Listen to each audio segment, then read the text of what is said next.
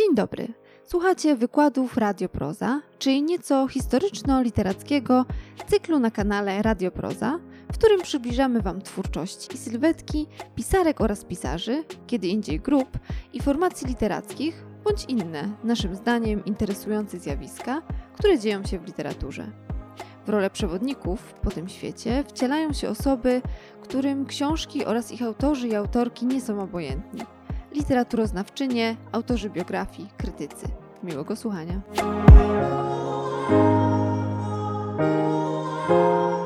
Odcinek piąty.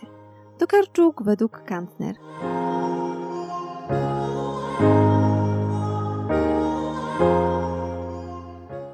Dzień dobry, nazywam się Katarzyna Kantner i będę Państwu opowiadać o Olze Tokarczuk, laureatce Literackiej Nagrody Nobla, laureatce Bookera i jednej z najważniejszych polskich pisarek współczesnych. Jest to mm, pisarka, która wydała kilkanaście powieści, zbiorów opowiadań. W efekcie bardzo trudno jest opowiedzieć o niej w 45 minut. Y, trzeba siłą rzeczy wybrać jeden wątek, jeden motyw, i ja ten wątek wybrałam. Jest to słowo pomiędzy. Właśnie przez jego pryzmat chciałabym Państwu opowiedzieć o e, tych książkach. E, dlaczego słowo pomiędzy wydało mi się ważne? E, warto tutaj przytoczyć uzasadnienie Akademii Szwedzkiej, uzasadnienie przyznania Oldze Tokarczuk Literackiej Nagrody Nobla. Została opisana jako, jako autorka, która ma wyobraźnię narracyjną, która z encyklopedyczną pasją prezentuje przekraczanie granic jako formę życia. I mnie również to przekraczanie granic wydaje się szczególnie istotne. Teraz, jakie to są granice? To są granice nie tylko między państwami, przede wszystkim są to granice, y, które oddzielają nas od innych. To są stereotypy, to są uproszczenia, to są y, wszystkie schematy w nas, naszym postrzeganiu siebie nawzajem. Są to y, takie granice, które są źródłem przemocy, które wyznaczają hierarchię.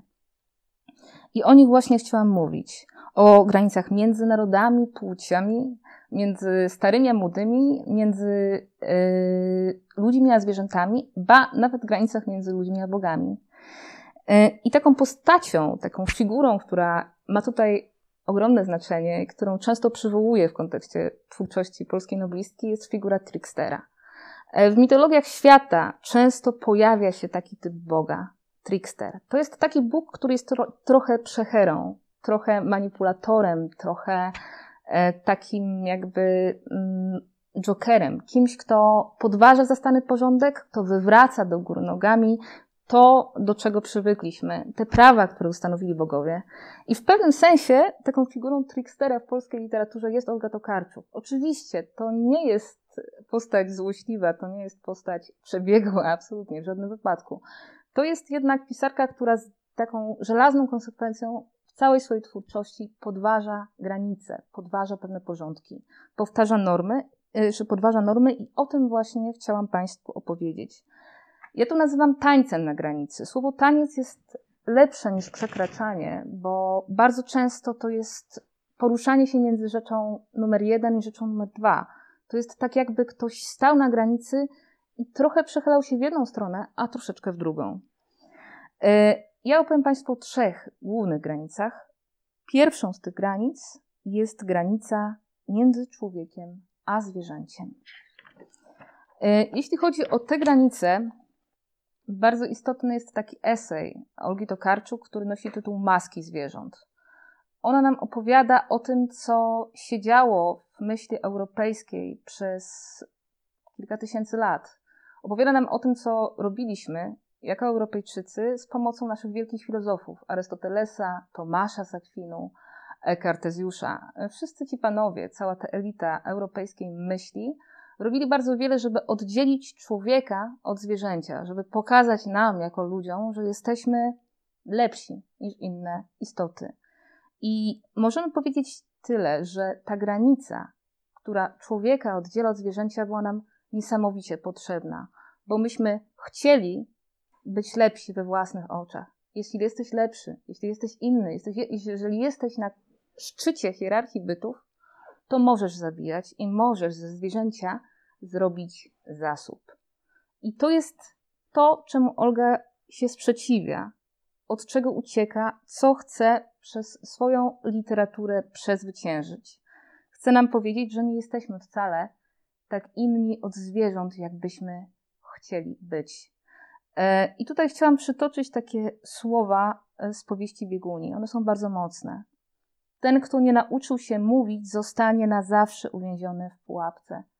I to jest zdanie, które odnosi się do zwierząt, bo one nie mogą wypowiedzieć tego, co je boli. I w jakimś sensie cierpienie zwierząt jest tym, czemu europejska kultura nie przyznała godności, nie przyznała e, szansy na zbawienie. Zwierzęta są kimś, kto nie ma głosu w parlamentach, jak pisze Tokarczuk, i ona ten głos w imieniu zwierząt zabiera. I pierwszą książką, którą chciałam powiedzieć, jest książka e, Prowadź swój pług przez kości umarłych. Jest to książka, na bazie której powstał film Pokot. Jest to piękny film Agnieszki Holland, który serdecznie Państwu polecam. Jest to także kryminał. Myśmy przywykli do tego, że kryminał mówi o zbrodni i o karze, o złu i dobru, o tym, że te dwie rzeczy są mocno w kryminale od siebie oddzielone. Ba, przywykliśmy do tego, że jest złoczyńca i jest stróż prawa, czyli są dwaj antagoniści, którzy walczą ze sobą, wreszcie ten zły zostaje ukarany. W tej książce dzieje się coś bardzo dziwnego, to znaczy kara i zbrodnia tak jakby zupełnie wymieniają się miejscami. One nie są już tym, czym przywykliśmy, że są. I generalnie, y, jakby naj, najbardziej niesamowita rzecz w tej książce to jest właśnie to, że zbrodnia i kara są względem siebie zupełnie wymienne. E, Janina Tuszejko, główna bohaterka tej powieści, jest taką postacią, która może bardzo irytować. I irytuje, bo jest wcieleniem właściwie wszystkich negatywnych stereotypów, jakie e, krążą na temat radykalnych ekologów. Ona jest taką szaloną obrończynią praw zwierząt, yy, taką, która może irytować, która może, może być takim negatywnym przykładem. W pewnym sensie jest to postać prowokacja. E, osoba, która wykłóca się z myśliwymi, wykłóca się z, ze stróżami prawa, jakby zadając bardzo proste pytania. Jak to jest, że w marcu i w kwietniu można zabić, a wcześniej nie można? Jak to jest, że e, zabicie zwierzęcia nie jest zbrodnią, a zabicie człowieka jest zbrodnią? Co czyni nas e, jako ludzi istotami, których nie można zabijać, a jednocześnie co sprawia, że dajemy sobie prawo do zabijania innych istot. I rzeczywiście e, ta postać Janiny Duszejko jest jedną z takich postaci w twórczości Olgi Tokarczuk, które można by nazwać szaleńcami. Ona mówi bardzo logicznie, ona mówi o bardzo ważnych kwestiach, ale jest przez lokalną społeczność traktowana e, jak odmieniec, jak szaleniec, jak ktoś, kogo nie warto słuchać. I nie spoilerując, nie zdradzając Państwu jakby szczegółów um, fabuły, mogę powiedzieć tyle, że y, ta książka rzeczywiście wybija z takiego poznawczego letargu. To jest trochę jak u Fabera w Podskórą albo u y, Kockiego w, w, w, w, kolejnych jego powieściach. My, y, zwłaszcza, zwłaszcza w żywotach zwierząt, my zostajemy przez tę książkę jakby zaskoczeni E, zderzamy się z taką prawdą, która jest dla nas niewygodna i jakby po przeczytaniu tej książki nie jesteśmy już w stanie tak łatwo wrócić do tego, co było wcześniej. I, i to, jeśli chodzi o prowadź swój pług przez kości umarłych, e, mówię, powieść prowokację, powieść, która w polskich warunkach bywa bardzo często, bardzo mylnie odczytywana. Często jest tak, że Janina Duszejko łączy się z Olgą Tokarczuk. Niektórzy nawet czytają to tak, jakby E, Janina Duszejko, zwolenniczka astrologii, e, taka właśnie radykalna ekolożka, to była postać, która wypowiada e, punkt widzenia Olgi Tokarczuk. To oczywiście nie jest prawda. Jest to postać prowokacja, jest to taka narratorka, której do końca nie możemy wierzyć, ale jakby ona robi coś takiego bardzo ważnego, co sprawia, że czytając tę powieść przyjmujemy jej, per, jej perspektywę i coś się w nas zmienia. E, I teraz taką rzeczą, którą, o której warto tutaj wspomnieć, jest także taki rodzaj tajemnicy, która jest w zwierzętach. Bo z jednej strony mam Janinę Duszejko, która rzeczywiście uwrażliwia nas na, jakby na, na zbrodnie przeciwko zwierzętom, a z drugiej strony mamy coś takiego, że e, jakby nie, możemy przekraczać granice między człowiekiem a zwierzęciem, ale nie powinniśmy robić tego zbyt radykalnie. My jako ludzie mamy tendencję do wpisywania zwierząt w nasze własne kategorie. Często jest tak, że mówimy o naszym piesku czy kotku tak jakby był człowiekiem, tak jakby był jednym z nas. Często te zwierzęta tak infantylizujemy, udziewczynniamy. E, wydaje nam się, że to są takie istoty, które są takie śmieszne, fajne, w zasadzie możemy je opisywać tak, jakby były jakąś niedorozwiniętą formą człowieka. I to jest coś, czemu Olga Tokarczuk mm, się sprzeciwia. E, ona mówi o tym, że zwierzę zawsze pozostaje tajemnicą, pozostaje mikrokosmosem, którego nie znamy do końca. I tu chciałam zacytować po raz kolejny esej Maski zwierząt. Czy nie wydawało Wam się nigdy, że zwierzęta mają maski, że gdzieś za uszami schowano troki albo zamki, którymi zostały przymocowane i że te maski są tak samo zagadkowe, enigmatyczne i w pewien sposób emblematyczne jak maski ludzi? Kto więc kryje się pod postacią kota sąsiadów i kim jest ta wesoła suczka Jorka, którą codziennie widuje na klatce schodowej? Kim jest świnia, kura i krowa? Czy wolno mi tak postawić to pytanie? E, więc gdybyśmy mieli posłuchać takiej lekcji, którą daje nam Olga, albo sugestii może raczej, bo ona rzadko daje lekcje, raczej sugeruje, y, to moglibyśmy powiedzieć, że zwierzę powinno pozostać kimś innym. Kimś, kto jest sam w sobie y, pewną jakością, której my nie jesteśmy w stanie poznać, bo nie jesteśmy w stanie wejść w jego skórę.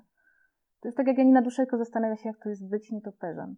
Nigdy nie będziemy w stanie poznać do końca perspektywy zwierzęcia, zerwać tej maski, którą zwierzę ma na swoim, swojej jaźni, swoim, swoim wewnętrznym e, mikrokosmosie, ale powinniśmy się starać e, jakby zrozumieć, że zwierzę jest nam jednak bliższe niż mogłoby się wydawać. A tym, co nas zbliża, jest ciało. Ciało jest tym medium, w którym człowiek i zwierzę się spotykają. I w powieści Ostatnie historie takim pięknym powieściowym tryptyku o trzech kobietach. E, jedna z nich doświadcza takiego bardzo bliskiego spotkania ze zwierzętami.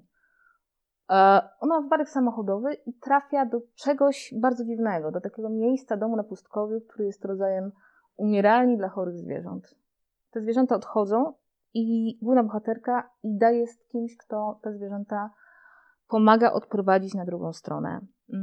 I dzieje się coś takiego bardzo dziwnego między człowiekiem a zwierzęciem w tej historii, bo okazuje się nagle, że człowiek cierpi podobnie jak zwierzę, że ta cielesność jest taką przestrzenią, w której jesteśmy do siebie bardzo podobni. Że ludzkie ciało jest w pewnym sensie takim kosmosem, który jest nieznany, boli, może się zepsuć, jest w nim mnóstwo jakichś takich ciemnych mechanizmów, których nie znamy. I to ciało jest takim pierwiastkiem jakby obcym w nas, a jednocześnie pierwiastkiem, który nas przybliża do zwierząt, bo tak jak mówię, jakość naszego cierpienia, siła naszego cierpienia jest analogiczna, podobna.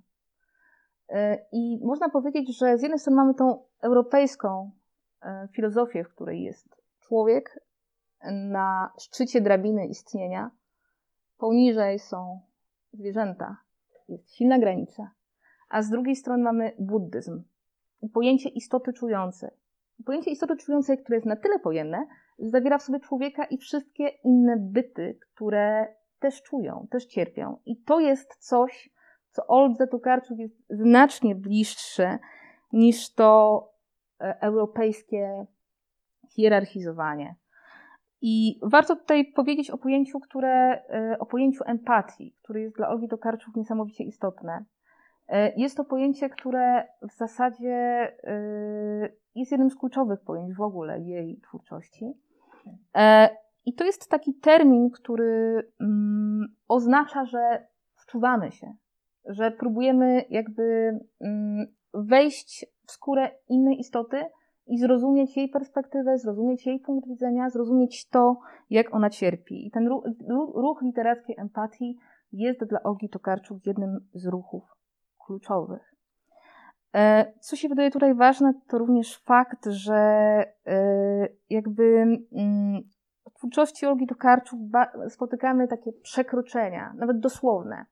są teksty, w których człowiek zamienia się w zwierzę. E, przechodzi jakby na drugą stronę, staje się częścią takiego wielkiego uniwersum istnienia, w którym wszystko jest ze sobą zespolone i wszystko cierpi i wszystko nawzajem się warunkuje.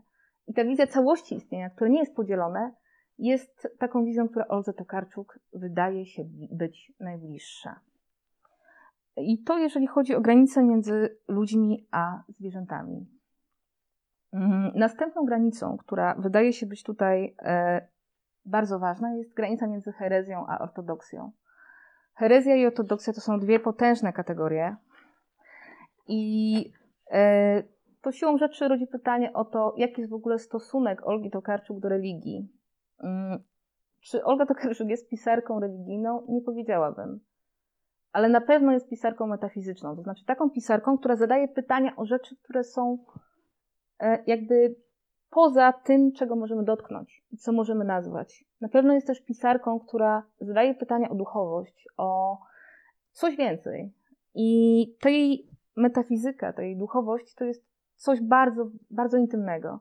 Ona y, sprzeciwia się radykalnie y, łączeniu religijności, duchowości z polityką, y, z władzą.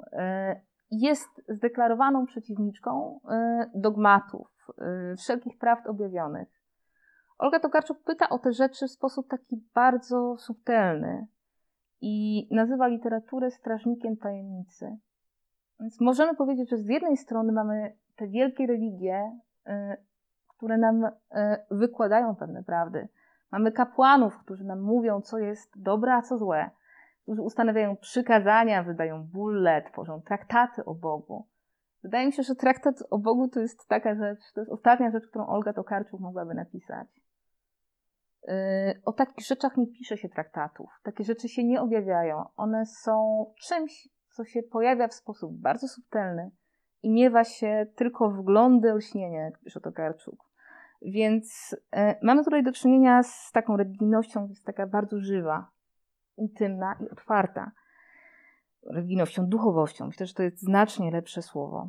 Ale to, co jest naprawdę fascynujące w tej twórczości, to jest katalog heteryków, który się pojawia e, w tej prozie, bo on jest niesamowicie barwny i właściwie e, jest to jedna z najbardziej niesamowitych rzeczy w tej prozie.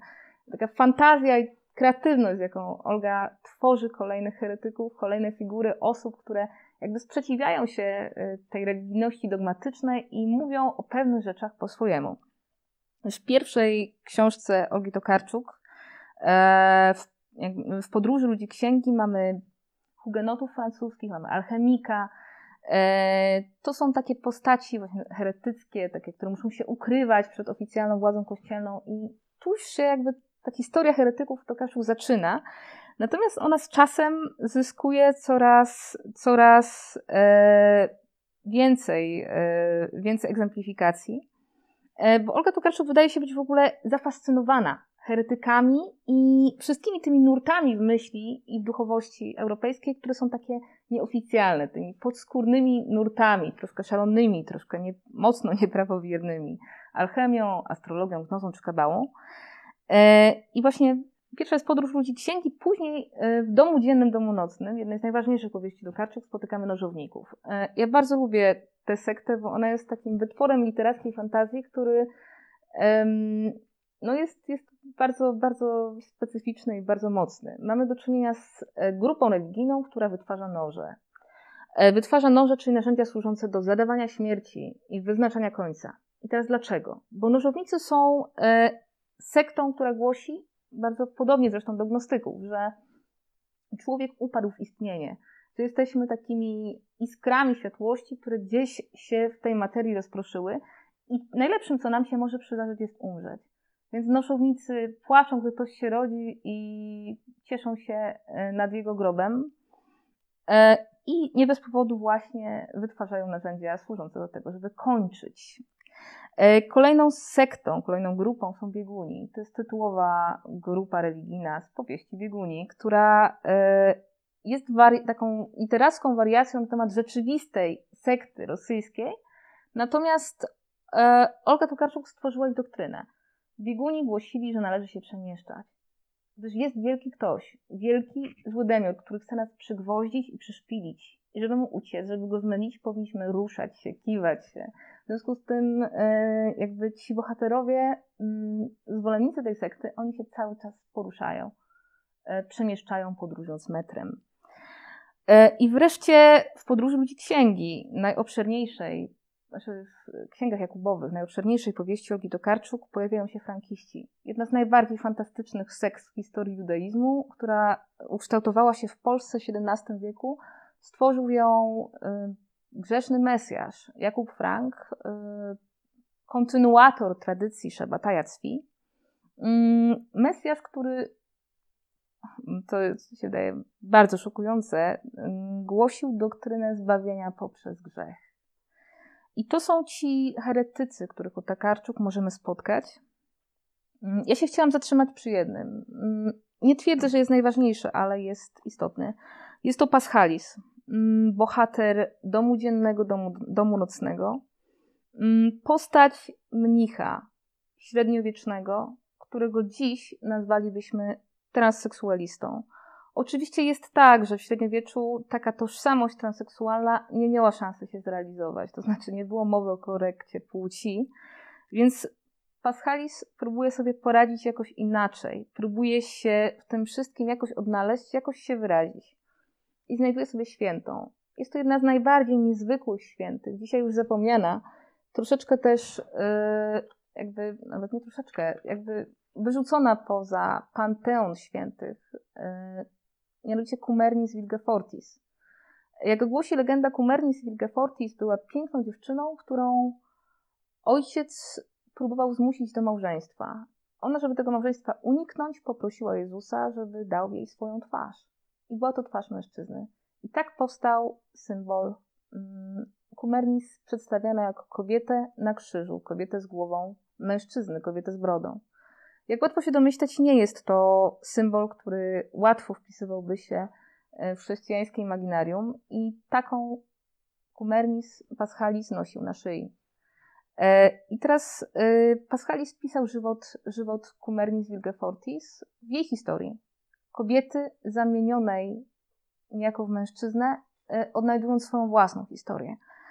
I Paschalis pisze ten żywot świętej. Chce uczynić z Wilgefortis świętą, e, żeby upewnić się, że takie jednostki, tacy odmieńcy znajdują miejsce na łonie Kościoła. I że on sam również może znaleźć miejsce dla siebie w tej całej powieści. Niestety zarówno Paschalis, jak i Kumernis zostają odrzuceni. Biskup, czytając żywot, który tak pracowicie pisał, pisał Paschalis, stwierdza, że jest to wszystko bardzo dziwne i ociera się o herezję. I jakby zarówno święta, jak i jej żywotopisarz zostają wykluczeni. Natomiast to, co wydaje się istotne yy, dla całej twórczości Tokarczuk, to jest sposób, w jaki tutaj jest opisywane doświadczenie religijne. Mamy tutaj mnóstwo paradoksów. Mamy tutaj yy, funkcjonowanie na granicy między grzechem a świętością. Mamy tutaj funkcjonowanie na granicy między kobiecością a męskością. I to jest coś, co bardzo często powraca w tych książkach. E, I drugą figurą heretyka, która wydaje się ważna, jest bogini. Bogini heretyk to już samo w sobie jest coś e, niezwykłego. Jest to Inanna, sumeryjska bogini, którą e, Tokarczuk zrekonstruowała, to znaczy jakby bardzo mocno oparła się na rzeczywistym tekście z sumeryjskich tabliczek. Ale ona robi to coś fenomenalnego, mianowicie łączy sumeryjski mit, stosując praktycznie, inkrustując ten tekst fragmentami tekstów sumeryjskich, e, łączy go e, z cyberpunkiem, bo ta powieść jest powieścią mocno komiksową i ma estetykę bliską estetyce cyberpunku, czyli mamy takie miasto, w którym jest bardzo wysoko rozwinięta technologia, w którym e, ludzie mają jakby bardzo trudne życie, y, są wprowadzeni do takich prostych funkcji, y, czasami wręcz są zespoleni z, z urządzeniami technicznymi, które obsługują. I na tym tle, w tym mieście rządzonym przez trzech bogów demiurgów, pojawia się bogini. Bogini, która jest yy, anarchistką. To jest jakby niesamowite w tej postaci, że mamy do czynienia rzeczywiście z boginią, która jakby łączy sobie bunt kobiety przeciwko mężczyznom, łączy sobie bunt obrońcy proletariatu przed de facto kapitalistami, bo tym trochę są ci bogowie, i jest jednocześnie boginią, która otwiera się na człowieka, na jego cierpienie. Schodzi do podziemi, żeby przełamać jedno z najbardziej fundamentalnych praw, mianowicie każda żywa istota musi umrzeć. I ona przekracza kilka granic. A przede wszystkim granice między ludźmi a bogami, a e, poza tym granice między umarłymi i żywymi. Więc Inanna jest heretyczką i myślę, że heretyczką w dużym stopniu jest także Olga Tokarczuk, że ta figura heretyka jest czymś, co znakomicie opisuje jej e, aktywność artystyczną, jej aktywność literacką. Ona rzeczywiście z tą herezją flirtuje i cały czas na różne sposoby e, prowokuje czytelników prezentowaniem różnych alternatywnych wizji tego, mm, do czego, do czego się przyzwyczailiśmy.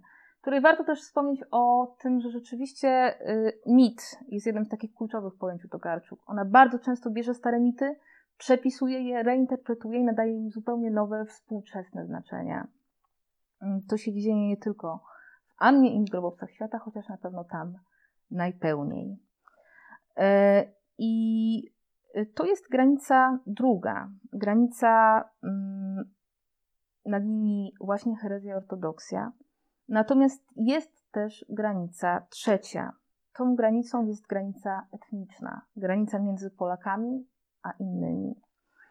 I tutaj e, chciałam zrobić taki ekskurs, to znaczy opowiedzieć o tym, o różnych problemach, które pisarka e, tego typu może mieć w Polsce, bo to nie jest tak, że Nobel dla Tokarczuk spotkał się z powszechną akceptacją, że wszyscy byli zachwyceni i wszyscy cieszyli się, że akurat ta artystka została odznaczona tym wyróżnieniem. Oczywiście dla części polskiej opinii publicznej, myślę, że dla większości było to coś y, fenomenalnego. Przeżyliśmy to jako wielkie święto naszej kultury, naszej literatury, ale dla części y, opinii publicznej ten Nobel był problematyczny.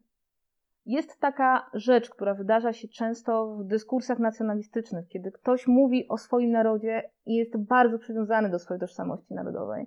Kiedy pojawia się ktoś niewygodny, zadajemy pytanie, czy to jest polskie nazwisko. Więc wielokrotnie w polskiej debacie publicznej pojawiało się pytanie, czy to Karczuk to jest polskie nazwisko. I okazywało się, że jest to nazwisko ukraińskie. Okazywało się, że dla niektórych Olga Tokarczuk nie może być Polką. Na pewno jest Niemką, na pewno jest Żydówką, na pewno jest Rosjanką. Nie wiadomo kim jest, ale nie może być Polką, skoro mówi to, co mówi. Mm, I zostaliśmy wszyscy z tym pytaniem, czy Olga Tokarczuk to jest polskie nazwisko. Oczywiście ironizuję, ale, ale jakby to wykluczenie poza krąg, krąg polskości spotkało ją samą. E, I ona bardzo często w swojej twórczości porusza, granicy, porusza problem granicy między my i oni, między swoimi a obcymi, tą granicę etniczną. I ona e, o niej mówi bardzo mocno i bardzo często pokazuje właśnie przekraczanie tej granicy. Tutaj takim opowiadaniem w pewnym sensie paradygmatycznym, wzorcowym jest opowiadanie Rubież. Opowiadanie z początku, mm, które powstało prawie 20 lat temu, ale ukazało się dopiero w roku 2015 w tomie Nieobcy. Był to taki tom zbiorowy, który powstał po to, żeby jakoś zareagować na kryzys związany z napływem uchodźców do Europy, jakoś yy, zebrać głosy pisarzy w tej sprawie. I tutaj mamy granicę jako główny temat utworu. To znaczy pojawiają się dwa światy. Pojawia się świat cywilizowany i świat barbarzyńców. I te dwa światy oddziela granica, która leży na rzece Prut. To jest fikcyjne miejsce, nie ma takiej przestrzeni. E, to jest przestrzeń, którą wykreował Tokarczuk. I mamy tutaj właściwie, dlaczego mówię, że to jest wzorcowe opowiadanie, paradygmatyczne, bo ono pokazuje ten podstawowy ruch. Są jedni i są drudzy. Jesteśmy my i są oni. Ci oni to są ci obcy, którzy przychodzą z dalekich, pustych stepów, barbarzyńcy, którzy próbują przekroczyć y, granice naszego wspaniałego, cywilizowanego świata. W tym opowiadaniu próba przekroczenia granicy, fizyczna próba przekroczenia granicy może skończyć się śmiercią, bo strażnicy stoją i strzelają. I w pewnym momencie dzieje się coś takiego, że przez te granice przechodzi kobieta z dzieckiem, barbarzyńska, barbarzyńska kobieta z niemowlęciem i ona zostaje przyjęta. Zostaje przyjęta i nawiązuje takie mocne porozumienie z ludźmi, którzy y, mieszkają po drugiej stronie, z tymi ludźmi cywilizowanymi, tymi, którzy strzelają. Ona zaczyna śpiewać pieśni, zaczyna opowiadać historie, i w jakimś sensie, nawet jeżeli językowo oni się nie są w stanie e, porozumieć, no bo jakby mówią innymi językami, e, to porozumienie następuje właśnie na zasadzie wspólnego robienia różnych rzeczy, wspólnego wytwarzania przedmiotów, słuchania tych opowieści, tych pieśni, takiego łączenia się jakby ponad językiem. I to jest taki moment e, jakby przemytu, kulturowego przemytu, bo nie ma prawa jej tam być, ale jest. I to jest taki, takie coś, co można by nazwać zbawczym wyjątkiem. Jest granica, udało się ją pokonać i powstało z tego coś dobrego. I teraz yy, jakby w całej, w całej prozie yy, polskiej noblistki yy, jest wiele takich momentów, ale ja się postanowiłam skoncentrować na trzech mm, granicach, trzech y, relacjach między Polakami a Niemcami, Polakami a Żydami i Polakami a Ukraińcami, bo są to, są to y, trzy najważniejsze chyba relacje międzyetniczne w tej prozie. Polacy i Niemcy to jest trudny temat dla wielu i jest to temat, który y, przez lata był w Polsce no właśnie jednym z takich bardziej zapalnych y, punktów debaty publicznej. Dotyczyło to różnych rzeczy, naszej wspólnej historii, z jednej strony tematów okupacyjnych, z drugiej strony kwestii wysiedlania Niemców y, po wojnie. I Olga Tokarczuk jest tutaj jedną z takich najbardziej aktywnych rzeczniczek polsko-niemieckiego dialogu. Mm, kluczowe jest tutaj chyba to, że Olga jest z Dolnego Śląska. My teraz jesteśmy znaczy, fizycznie we Wrocławiu. E, to jest miejsce, z którym Olga Tokarczuk jest związana. E, takimi miejscami są też na przykład Nowa Ruda czy Wałbrzych. E, Olga żyje, działa, pisze na Dolnym Śląsku. A dla każdego, kto żyje i mieszka na Dolnym Śląsku, jedną z podstawowych kwestii jest takie doświadczenie, które mamy wszyscy. To jest doświadczenie tego, co po niemieckie. Mm. Z tych terenów wysiedlono Niemców. Działo się to zaraz po wojnie. Na ich miejsce wprowadzili się Polacy, których z kolei wysiedlono z polskich kresów wschodnich, które wcielono do ZSRR. I ci Polacy, którzy tu przyjechali, zamieszkali w poniemieckich domach, modlili się w poniemieckich kościołach i używali poniemieckich przedmiotów. I to doświadczenie tego, co po niemieckie, czyli właśnie szafy po Niemce, nie wiem, książek, które należały do niemieckiej rodziny, tych przedmiotów, które się dotyka, z którymi się żyje, to jest doświadczenie bardzo ważne dla tego regionu. I Olga Tokarczuk pięknie opisuje. Jest taki moment, w którym e, ona się upodabnia do medium. E, to znaczy robi to, co robią media. Bierze przedmiot, E, dotyka go i mówi o tym, kto ten przedmiot kiedyś posiadał. I jest tak, że dotykając, jej, jej bohaterowie również, dotykając niemieckich przedmiotów, po niemieckich przedmiotów, czują coś z obecności tych ludzi, którzy je kiedyś posiadali. Jest tak, jakby pisarz był kimś, kto jakby poprzez przedmioty przywraca pamięć o tym, co było kiedyś, o tym, co właśnie po niemieckie, o tym, co zapomniane. E, w tym, jak Olga Tokarczuk pisze o niemieckości, ciekawy jest także sposób opisywania tak zwanych niemieckich turystów sentymentalnych. Mm, jest, e, to jest w Polsce również dosyć trudny temat, był przynajmniej. Mm, są to niemieccy emeryci, którzy przyjeżdżali do Polski, żeby zobaczyć miejsca, w których się wychowali. Z drugiej strony, ze strony polskich mieszkańców tych nieruchomości, no, pojawił się taki lęk, że oto przyjeżdżają Niemcy i będą odbierać swoje. I e, to było w prasie, w debacie publicznej, e, no, był to jeden z takich ważniejszych, trudniejszych tematów, który Olga Tokarczuk e, ujęła literacko w sposób niesamowicie, niesamowicie inny, taki bardzo czuły, bardzo, znaczy nacechowany taką ogromną otwartością na innego jego sposób przeżywania. W domu dziennym, w domu nocnym mamy historię pary Niemców, którzy przyjeżdżają do Polski i nie są opisani jak jacyś obcy, niemieccy emeryci, mm, którzy, którzy mogą być potencjalnymi agresorami. Oni są krusi, to są delikatni, starzy ludzie, którzy taką dziecięcą niemalże wrażliwością patrzą na to, co widzą, patrzą na tą przestrzeń, którą znają z dzieciństwa, próbując w niej odpoznać to, co pamiętają z dzieciństwa. Książką, w której pojawia się motyw niemiecki, jest też EE, książka o nastoletnim medium Ernie Elzner. To jest taka historia e, z Wrocławia, początku XX wieku, w której też pojawia się niemieckość. E, główna bohaterka jest wzorowana na kuzynce Karla Gustawa Junga. To, co mi się wydaje charakterystyczne dla sposobu, w jaki Olga Tokarczuk mówi o tym, co niemieckie, opisuje to, co niemieckie, jest takie, jakby taka ma magia, która się z tą niemieckością wiąże. Jest trochę tak, jakby to, co niemieckie było baśniowe, jakby, jakby pochodziło ze snu, jakby było czymś, co właśnie nam się śni, co próbujemy sobie przypomnieć.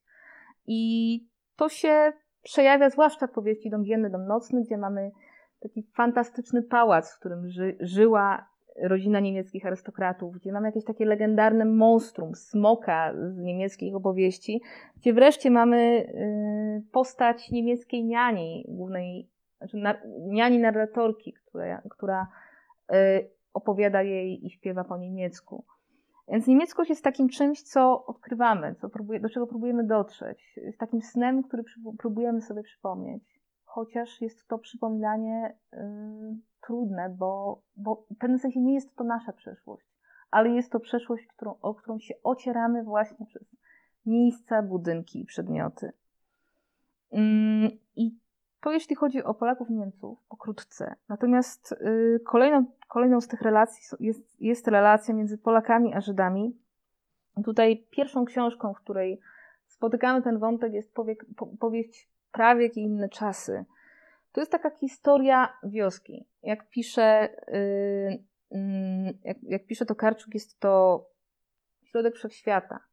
Yy, taka wioska, która w zasadzie mieści sobie wszystkie inne wioski. Y, prawie mityczna. I w tej y, wiosce y, żyją Polacy. We wiosce obok, w Jeszkotlach, mieszkają Żydzi. W prawieku nie spotykamy jeszcze jakichś takich trudnych relacji polsko-żydowskich. Tak naprawdę jest to powieść, w której między Polakami a Żydami dobrze się dzieje. Y, mamy też piękną historię takiego bezdotykowego romansu polskiej młynarzowej Genowefy i żydowskiego chłopca Eliego. Mm, oni jakby próbują jakoś się porozumieć, jakoś, czy kochają się bardzo, ale ta granica mm, nie wynika, nie wynikająca bynajmniej z tego, że są przedstawicielami dwóch narodów, bardziej wynikająca z tego, że Genovefa chce pozostać wierna mężowi. Tak czy owak, y, w prawieku relacje polsko-żydowskie są jeszcze bezproblemowe. Polacy są świadkami zagłady, ale wyłącznie świadkami. Nie przykładają do niej ręki. Y, wszystko komplikuje się w księgach Jakubowych, czyli w tym opus magnum, które prawie tysiącstronicowym opus magnum Tokarczuk, y, o właśnie sekcie, sekcie frankistów. I tutaj wypada mi zahaczyć o polski wiek XVII. Myśmy się historii wieku XVII jako Polacy uczyli na Sienkiewiczu. Wszystko, co większość Polaków wie o wieku XVII, można wywieźć z Sienkiewicza. On nas nauczył myśleć o naszej historii tamtego okresu. I zgodnie z wizją Sienkiewicza, Polacy byli rycerzami, e, broniącymi chrześcijaństwa przed napływem innowierców. Tokarczuk pokazuje polski wiek XVII, ten heroiczny polski wiek XVII z Sienkiewicza od zupełnie innej strony. I Olga Tokarczuk kiedyś powiedziała, że polska historia potrzebuje herezji. I ona rzeczywiście tą książką y, tworzy taką herezję. To znaczy mówi o Polsce tamtego okresu w sposób mocno niewygodny dla wielu, jednocześnie zupełnie inny. Teraz sekta frankistów to jest, yy, tak jak już mówiłam, jedna z najbardziej niezwykłych sekt w historii judaizmu. Wszystko zaczyna się w 1655 roku, kiedy Jakub Frank ogłasza się Mesjaszem. Jest to zupełnie zwykły chłopak, a może niezwykły chłopak, który słyszy głos, a może cierpi na manię wielkości, tego do końca nie wiemy. W każdym razie yy, jakby tworzy taką koncepcję, zgodnie z którą zbawienie przyjdzie przez grzech, Żydzi powinni y, grzeszyć, żeby zostać zbawieni, a z drugiej strony jedną z form tego grzechu może być konwersja. Czyli mówiąc prost, prościej, e, franciści, przesz, jakby żeby, żeby zostać zbawieni, zdecydowali się najpierw przejść, przejść, przechodzić po prostu na inne religie, na chrześcijaństwo i na islam. No jest to teza z punktu widzenia ortodoksyjnego judaizmu, w ogóle z punktu widzenia każdej ortodoksji, idea konwersji jako dobrego uczynku jest czymś co najmniej szokującym. I to właśnie robią frankiści, a jednocześnie przez to, że dochodzi do konwersji, oni też wyrzekają swojej tożsamości, stają się ludźmi, którzy jakby odcinają się od korzeni. I to jest y, taki moment, w którym należy powiedzieć dosyć mocno, że z jednej strony Tokarczuk jakby jest rzeczniczką y, porozumienia między, między narodami, jakby nie chce tej tożsamości fetyszyzować, nie twierdzi, że ona jest jakością samą w sobie, ale z drugiej strony w jej książkach jest wiele postaci, które wyrzekły się własnych korzeni, odcięły się od tego, co ich i stało się to dla nich źródłem osobistego dramatu. I kimś takim są frankiści, y, bez wątpienia. Znaczy są kimś, kto y, dużo musi zapłacić za przekroczenie granicy. Y, ważnym elementem tej powieści są także legendy o krwi. To jest taki jeden z najbardziej podłych toposów w ogóle w historii antysemityzmu. E, jest to topos, zgodnie z którym, mm, to taka legend, zespół legend, zgodnie z którymi e, Żydzi potrzebowali krwi chrześcijan do tego, żeby odprawiać jakieś grzeszne, ciemne e, rytuały. I jest to opowieść, jakby, która kosztowała życie wielu tysięcy osób. To znaczy, z powodu tych legend tysiące Żydów na przestrzeni wieków zostało skazanych na śmierć. I Tokarczuk opisuje, jak robią to Polacy. Ba, e, jedną z postaci, które się walnie przyczyniają do skazywania Żydów na śmierć, jest jeden z polskich, w cudzysłowie, świętych narodowych, mianowicie biskup Kajetan Sołtyk. Więc Tokarczuk pokazuje bardzo skomplikowany wizerunek relacji polsko-żydowskich w XVII wieku. Bardzo mocno koliduje ta opowieść z takim mitem Polski jako kraju wybitnie tolerancyjnego, wybitnie otwartego. No i te księgi Jakubowe tak zdecydowanie można nazwać historyczną herezją. Jest to oczywiście herezja, która mnie się niesamowicie podoba, aczkolwiek nie podoba się wszystkim.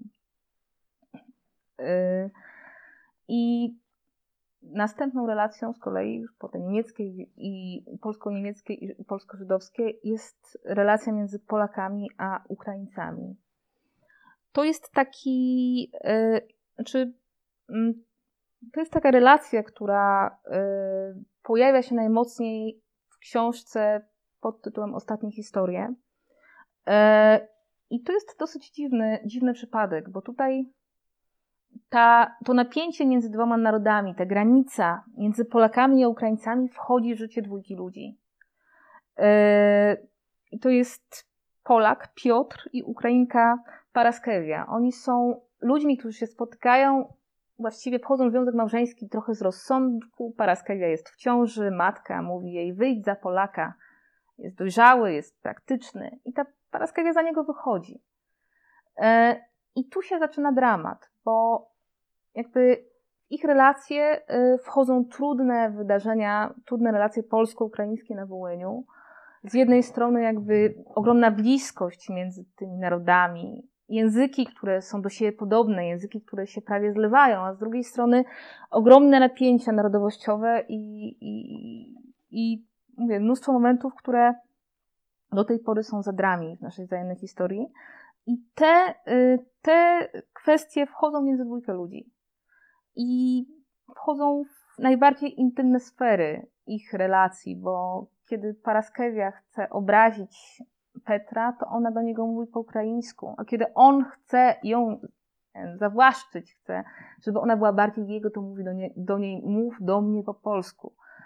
E, w końcu Piotr e, wywozi, wywozi żonę z Ukrainy, wywozi ją do Polski, po drodze, po drodze umiera ich dziecko i to jest ta rzecz, której ona mu nigdy nie wybaczy. Oni będą żyć ze sobą, ale obok siebie, a ona będzie się lubować w wyszukiwaniu różnic pomiędzy nimi.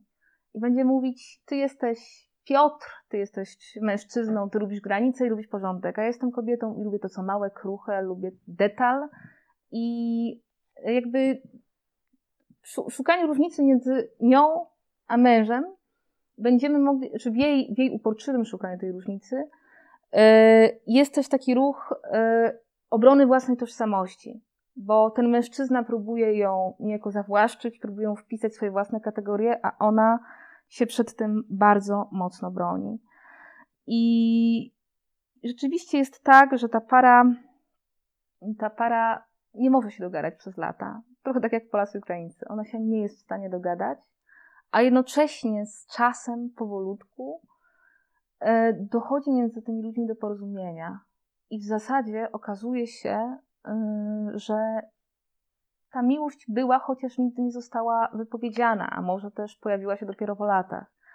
Tak czy owak, to jest taki chyba najmocniejszy przykład w ogóle w książkach Tokarczuk y, tego, y, jak między dwójkę ludzi, takiego opisu tego, jak między dwójkę ludzi wchodzi różnica etniczna, wchodzi granica między dwoma narodami i z jaką siłą w ogóle y, ta różnica może determinować to, jak dwoje ludzi żyje ze sobą. I jest jeszcze jedna rzecz, którą chciałam podkreślić w tym wszystkim, bo mamy rzeczywiście w, w, książkach Tokarczuk bardzo dużo takich historii, w których przedstawiciele dwóch narodów spotykają się ze sobą. Ba, w którym dochodzi właśnie do takich przekroczeń, kiedy jedna strona zakochuje się w drugiej, kiedy jedna strona próbuje zmienić tożsamość. I y, te ruchy zawsze dużo kosztują. To jest trochę tak, jakby ta granica się broniła, jakby każda próba przekroczenia granicy musiała coś kosztować. I jest trochę tak, jakby y, Tokarczuk chciała powiedzieć, że trzeba to robić, trzeba próbować, bo piękne rzeczy się pojawiają, kiedy próbuje się tę granicę, granicę przekroczyć. Z drugiej jednak strony to nigdy nie jest za darmo.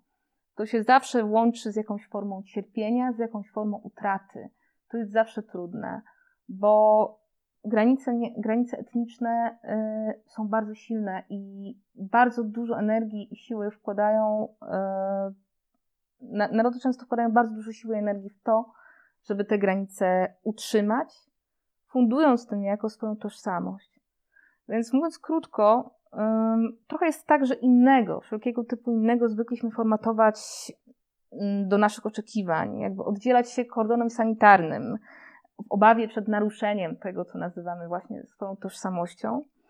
E, a to, co najpiękniejsze, wydarza się dopiero wtedy, kiedy szczelność tej bariery zostaje e, jakby przełamana, przy czym to zawsze kosztuje i zawsze jest trudne.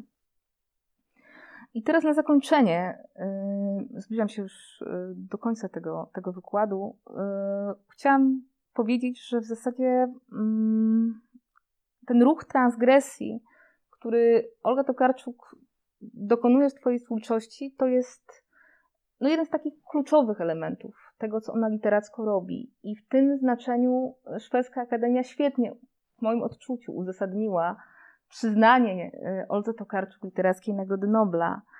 E, I wydaje mi się, że najlepiej podsumowuje to sama Olga Tokarczuk. Ona napisała taki esej pod bardzo znamiennym tytułem Nieskończenie wielkie pogranicze.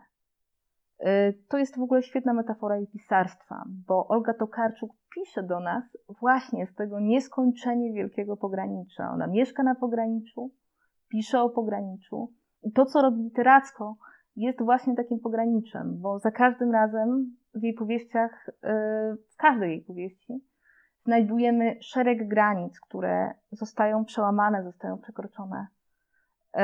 I teraz pozwolę sobie przytoczyć, przytoczyć Olgę Tokarczuk. W moim rozumieniu, to jest mowa o jednej z jej powieści, w moim rozumieniu jest to opowieść o granicach, zarówno tych fizycznych i namacalnych, jak i tych nieuchwytnych, które konstruujemy w naszych głowach, żeby zbudować sobie zwodnicze poczucie porządku i kontroli nad rzeczywistością. Przeszłość, przyszłość, realne, nierealne, kobieta, mężczyzna, człowiek, zwierzę, sen, jawa, jeden kraj, drugi kraj, jeden język, drugi język. Biegunowość tych kategorii tworzy prostą siatkę, która pozwala nam czuć się bezpiecznie. Mamy wrażenie, że rozumiemy świat. Jednak to, co najciekawsze, to, co najbardziej żywe i prawdziwe, dzieje się zawsze gdzieś pomiędzy, na nieskończenie wielkim pograniczu. I właśnie dlatego motywem przewodnim tego wykładu było słowo pomiędzy. I z tym słowem właściwie chciałabym Państwa zostawić. E, jeśli będziecie czytać te książki, to zwróćcie uwagę na to skromne słowo pomiędzy, bo ono jest tutaj naprawdę bardzo ważne. E, I wydaje mi się, że tym, co chciałabym powiedzieć na koniec, jest właśnie to, że przekraczanie granic jest trudne, ale ze wszech miar warto go dokonywać. Dziękuję bardzo.